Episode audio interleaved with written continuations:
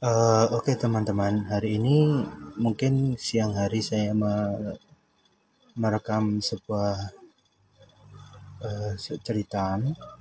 Ini memang bukan saya penakut, tapi karena uh, ada suatu hal yang nanti malam ada sebuah acara.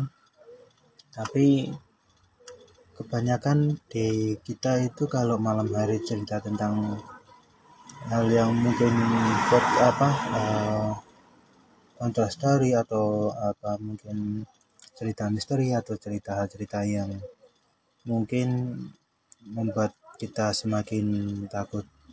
Uh, mungkin pernah nggak teman-teman mengalami suatu hal yang uh, istilahnya kita pernah melihat hantu secara langsung atau melihat mereka yang tak kasat mata tapi secara secara langsung gitu loh atau mungkin kita sebagian ada yang punya indera keenam jadi kita sering bisa melihat oh itu ada penampakan di situ oh ternyata di situ ada penampakan. Nah kebanyakan orang-orang yang indera keenam itu lebih banyak pendiam. Biasanya seperti itu daripada apa ya ada yang banyak pendiam ada yang banyak yang macam-macam orangnya lah. Waktu saya sekolah SMA dulu saya pernah uh, mengaktifkan apa namanya dunia indera keenam. Entah itu dari mana saya juga tidak tahu. Uh, saya itu pernah merasakan di waktu di sekolahan itu saya pernah merasakan uh, ada sosok pocong di depan saya waktu di kelas. Saya melihat pada waktu itu kan uh, pelajaran ekonomi dan gurunya ternyata juga punya indera keenam. Dan dia bisa juga merasakan hal-hal yang negatif gitu. Semuanya tampaknya ya suasana kelas pada zaman dulu apalagi anak IPS pasti bebas lah. Mungkin tidak terlalu uh, terlalu banget berpikir seperti anak IPA ya berpikir ya berpikir tapi cuma sebatas paling pengetahuan-pengetahuan tanpa logika. Nah, teman-teman, pada waktu guru saya menerangkan tentang ekonomi pada waktu itu, jadi dia tuh menanyakan kepada saya, kok suasananya seperti ini Thomas? Lah, ada apa toh Pak? Saya bilang gitu. Uh, suasananya agak sedikit ramai ya. Memang pada saat itu ramai, kelasnya memang ramai kelas saya pada waktu itu terkenal rame anak-anaknya luar biasa rame. Tapi ramenya itu hal rame yang nggak biasa gitu loh mas. Loh rame yang nggak biasa itu gimana pak? Saya mulai agak sedikit bertanda tanya. Dan ketika apa namanya guru saya itu mengatakan mas coba lihat di depan bangku ini ada apa? Ada apa mas? Saya cuma loh kok bisa merasakan di situ ada sesosok apa uh, pocong yang berdiri. Satunya duduk. Nah di situ saya mulai merasakan loh apa memang benar indera keenam itu bisa ditularkan? Bukankah indera keenam itu lahir apa dia punya dari lahir? Atau mungkin karena sering lihat hantu terus lihatnya hantu terus gitu. Nah Suatu ketika memang pada waktu saya bekerja di sebuah sales kompor gas di daerah mana ya saya lupa. Tiba-tiba orang ya saya masuk ke sebuah rumah. Rumahnya peninggalan Belanda kalau nggak salah. Peninggalan Belanda. Ya memang memang peninggalan Belanda. Saya melihat rumahnya itu agak kusam sebenarnya. Kusam banget. Dari luar tampaknya bagus. Tapi kusam kayaknya. Bener-bener kusam. Temboknya temboknya aja agak kusam gitu. Jadi saya agak aneh ini kok tembok kok kusam banget? Apa orangnya apa tidak mau membersihkan atau gimana? Tapi tidak tahu. Eh ternyata tiba-tiba ibu pemilik rumah itu bilang wah di sini ada banyak penampakan oh mas. Noni noni Belanda noni noni tanpa kepala. Terus ada orang yang pakai-pakai prajurit zaman-zaman Belanda pada masa itu. Lah, terus saya juga bingung. Ternyata saya juga melihat benar juga ada di Belanda itu. Siang-siang hari pula. Jatuh saya juga juga bertanya. Saya juga ngomong wah di, memang benar di situ ada pembunuhan ada yang bunuh diri. Ternyata rumah yang punya rumah itu perempuan itu juga bilang loh benar mas. Benar di situ ada orang yang bunuh diri. Cewek cantik. Ada yang bunuh diri di situ pada waktu dulu. Tapi sering ganggu. Ya saya cuma berpikir apa ya benar indera keenam itu ada dalam diri saya? Saya cuma berpikir oh ternyata indera keenam itu memang ada tapi setelah saya bekerja di sebuah tempat rumah ibadah gitulah hilang itu semua indera keenam. Bahkan merasakan kehadiran mereka pun sekarang sudah tidak bisa. Pada waktu SMA dulu ketika saya sudah masih belajar masih belajar belajar saya bisa mengirim santet. Saya bisa mengirim segala sesuatu hal yang mungkin menakutkan. Atau mungkin saya bisa mengirim uh, sebuah keluh. Tapi tidak terlalu berat lah seperti uh, santet ahli ya ahli santet gitu. Ya cuma kecil-kecilan paling cuma jarum kelabang terus ada banyak hal. Tapi saya cuma berpikir buat ngapain saya ke situan? Nggak penting tahu. Buat diri saya sendiri.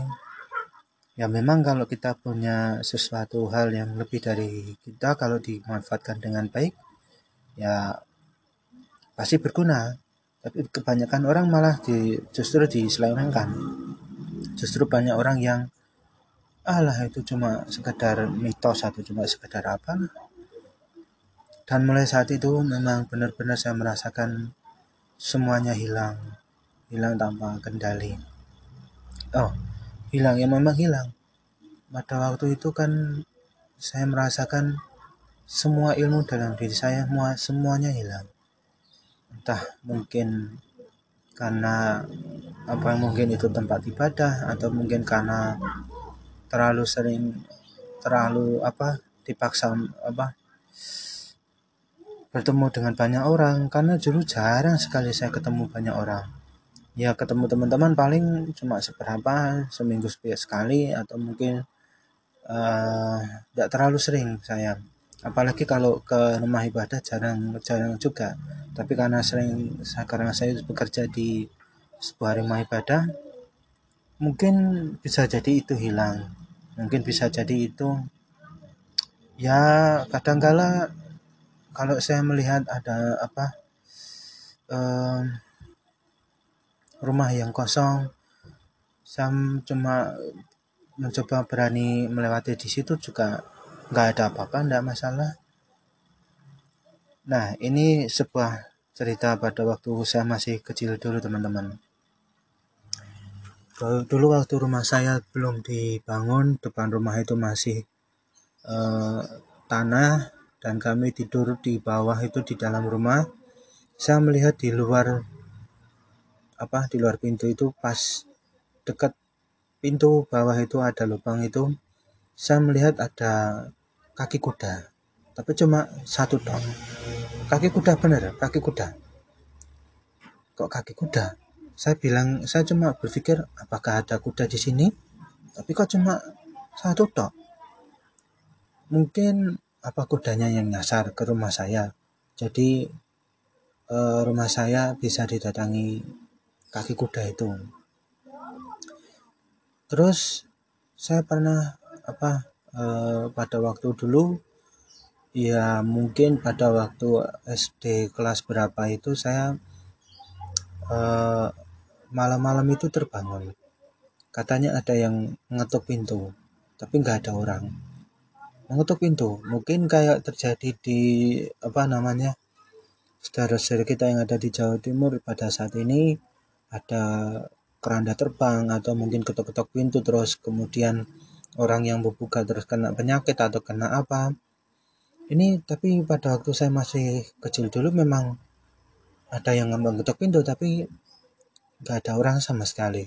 Nggak ada orang di situ ada siapa nggak ada.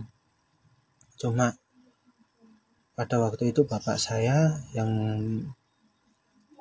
uh, apa baca doa di depan pintu. Tapi di dalam rumah bukan di depan pintu luar itu enggak di dalam rumah. Nah saya merasakan kok ada yang ketuk pintu tapi nggak ada yang apa di luar di luar nggak ada orang. Ya kalau itu orang pasti ya kita sudah tahu dari suaranya aja. Tapi itu nggak ada suara nggak ada orang nggak ada wujudnya gitu. Nah ini terjadi pula pada waktu ibu saya masih jualan soto di daerah Balai Kambang sana pada waktu itu belum dibangun pernah jualan. Pulang itu sekitar jam ya subuhan lah. Jam pokoknya ma ma malam gitulah jam berapa jam satu atau jam dua pagi gitulah pulang ke rumah. Dia cerita ibu saya itu cerita saya itu kok dari tadi diikuti sama cewek cantik. Rambutnya panjang badannya putih pokoknya cantik lah. Tapi sampai di rumah kanjengi ada ada rumah kanjengi itu menghilang. Ibu langsung ibu saya langsung terpak terpaku juga ketakutan juga iya. Ternyata itu cuma ternyata itu adalah sosok hantu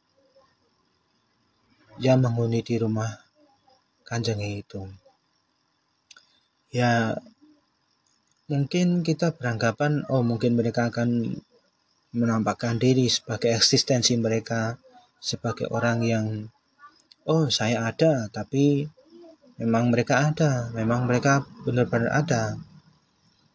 Dan di tempat kerja saya pun di rumah belakang itu rasanya juga dingin dan singup. Karena apa? Jarang sekali dijamah orang.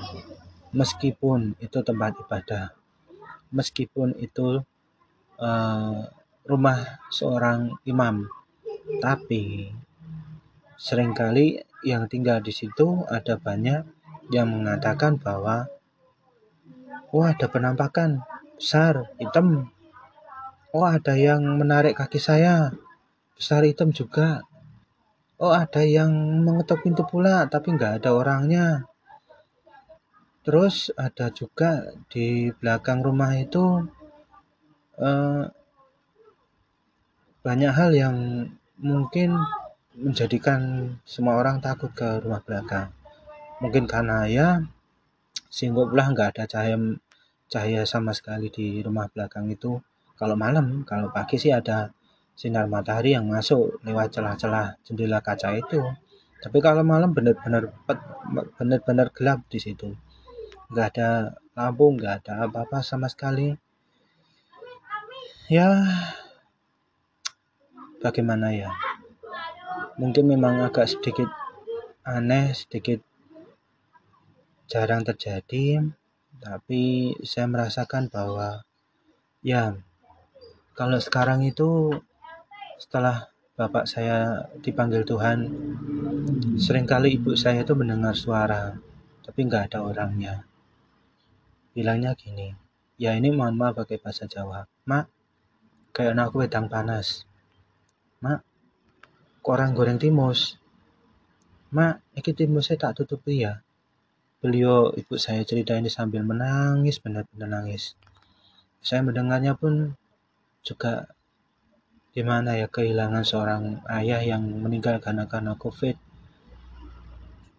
Uh, tidak pernah melihat wajahnya untuk terakhir kali. Saya rindu sekali suaranya berbicara pada saya, tapi sekarang sudah tidak ada sekarang sudah pergi sudah sudah pulang ke rumah Tuhan dan sering kali juga ibu saya itu ber, ber, bercerita sama aku mimpi ketemu Pak Muten ngejak ning gereja. Kau nyepake buku kau nyepake segala macam mem Pak Mu wis nunggu aku ten. Wis nunggu aku. Di ning kono wis nunggu aku. Pak Mu wis ngomong Kowe tak anteni, Mak, kowe tak anteni. Aku sabar ngenteni kowe. tapi saya cuma bilang bapak bapak sama bapak saya waktu di pemakaman jangan dululah pi kasihan adik saya yang masih saat ini. Mungkin ya sudah besar sih tapi masih perilakunya kayak seperti itulah kalau anak so anak terakhir.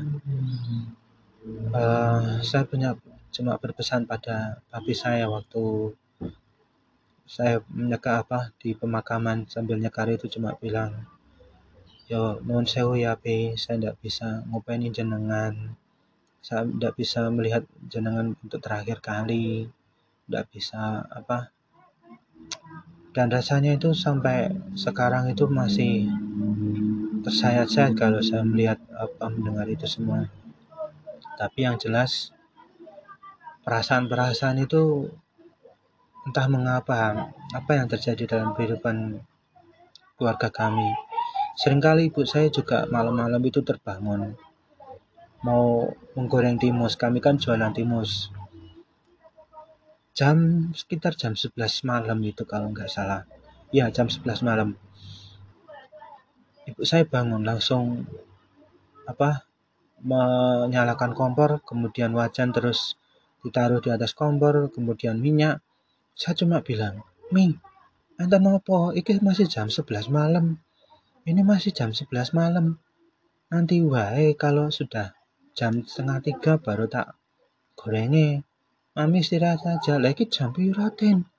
Dek mau ono sing ngomong, wes esok jam setengah telu karo aku. Lah sing ngomong sapa mi?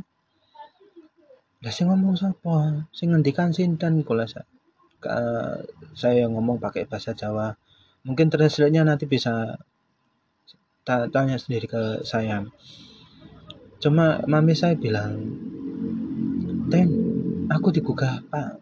Pakmu kondang gorengi timus kondang gorengi iki kain dan mungkin hal yang membuat saya agak merinding adalah pada waktu uh, kakaknya dari ibu saya Pak Desa itu Pak Dijiman itu meninggal beliau kan sedang menggoreng tahu.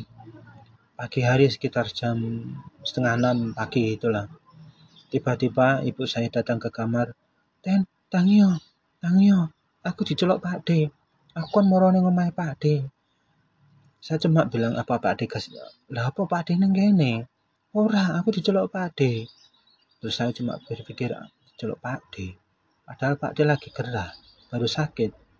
Pak D saya baru sakit apa mungkin karena dia meninggal? Kemudian saya, saya tanya ke datang ke rumahnya sudah.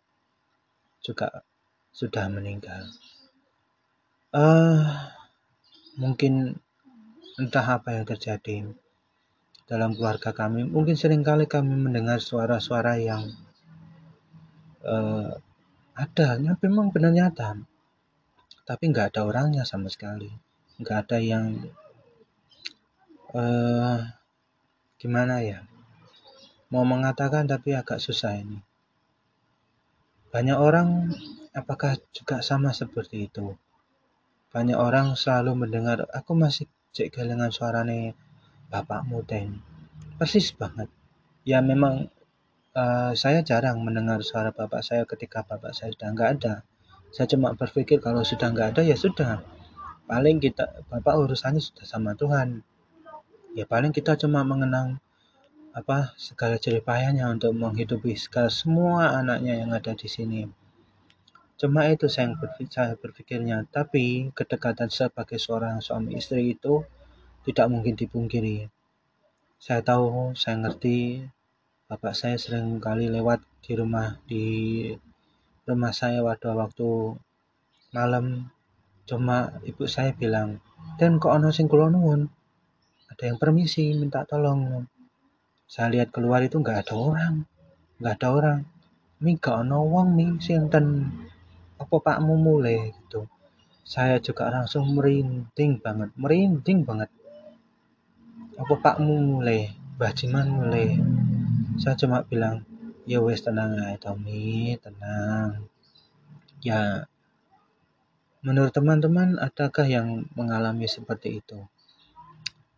Entah apa yang terjadi, mengapa ini semua terjadi, apa yang terjadi sebenarnya dalam keluarga ini, dalam keluarga saya ini. Rumah saya ini peninggalan dari kakek saya dan nenek saya pada zaman penjajahan Belanda sampai sekarang masih berdiri meskipun sudah direnovasi tapi ini termasuk rumah lama yang ditinggalkan oleh ayah ibu dari ibu saya sendiri atau kakek nenek saya. Yang sekarang juga sudah meninggal. Saya tidak pernah melihat wajahnya terakhir kali karena beliau meninggal pada waktu ibu saya masih kecil ibu saya masih ya masih kecil. Dua-duanya sudah menghadap Tuhan sudah pergi bersama-sama dengan Tuhan. Lagi pula ibu anu kakek nenek saya dari bapak saya juga saya tidak pernah melihat. Cuma cuma nenek saya yang cuma nenek saya yang pernah saya lihat. Tapi juga meninggal pada waktu usia saya masih kelas 2 SD kalau pada waktu itu nah coba teman-teman ada nggak yang seperti saya pada waktu ini? Mungkin teman-teman mohon maaf ada ditinggal orang tuanya meninggal karena covid atau meninggal karena apa? Terus teman-teman tiba-tiba mendengar suara orang tua mungkin mendengar suara saudara teman-teman wih kok bapak saya ibu saya memanggil tapi kok pada waktu saya buka pintu nggak ada orang. Ada nggak teman-teman merasa seperti itu? Ada nggak teman-teman pernah mengalami seperti itu? Mungkin kita nanti bisa saling uh, bertukar cerita bertukar tentang kejadian apa yang terjadi dalam sebenarnya ini semua. Kalau teman-teman yang ada di Jawa Timur apakah memang ada ketok-ketok pintu itu? Kalau kita buka nggak ada orangnya juga keranda mayat yang terbang ke sana kemari gitu. Uh, ya satu sisi memang keranda bagi umat muslim itu sangat penting untuk membawa jenazah ke tempat peristirahatan terakhir. Tapi karena covid ini keranda-keranda itu semua sudah tidak bisa dipakai karena ya protokol kesehatan juga protokol pemakaman pada saat orang meninggal. Oke teman-teman terima kasih selamat siang. Kalau teman-teman mendengarkan di malam hari jangan pernah takut, jangan pernah berpikir di sini ada setan, jangan pernah berpikir di sini ada hantu.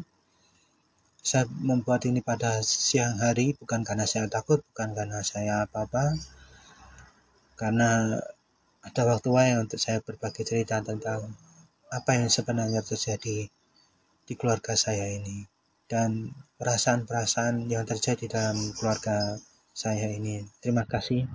Sampai jumpa lagi.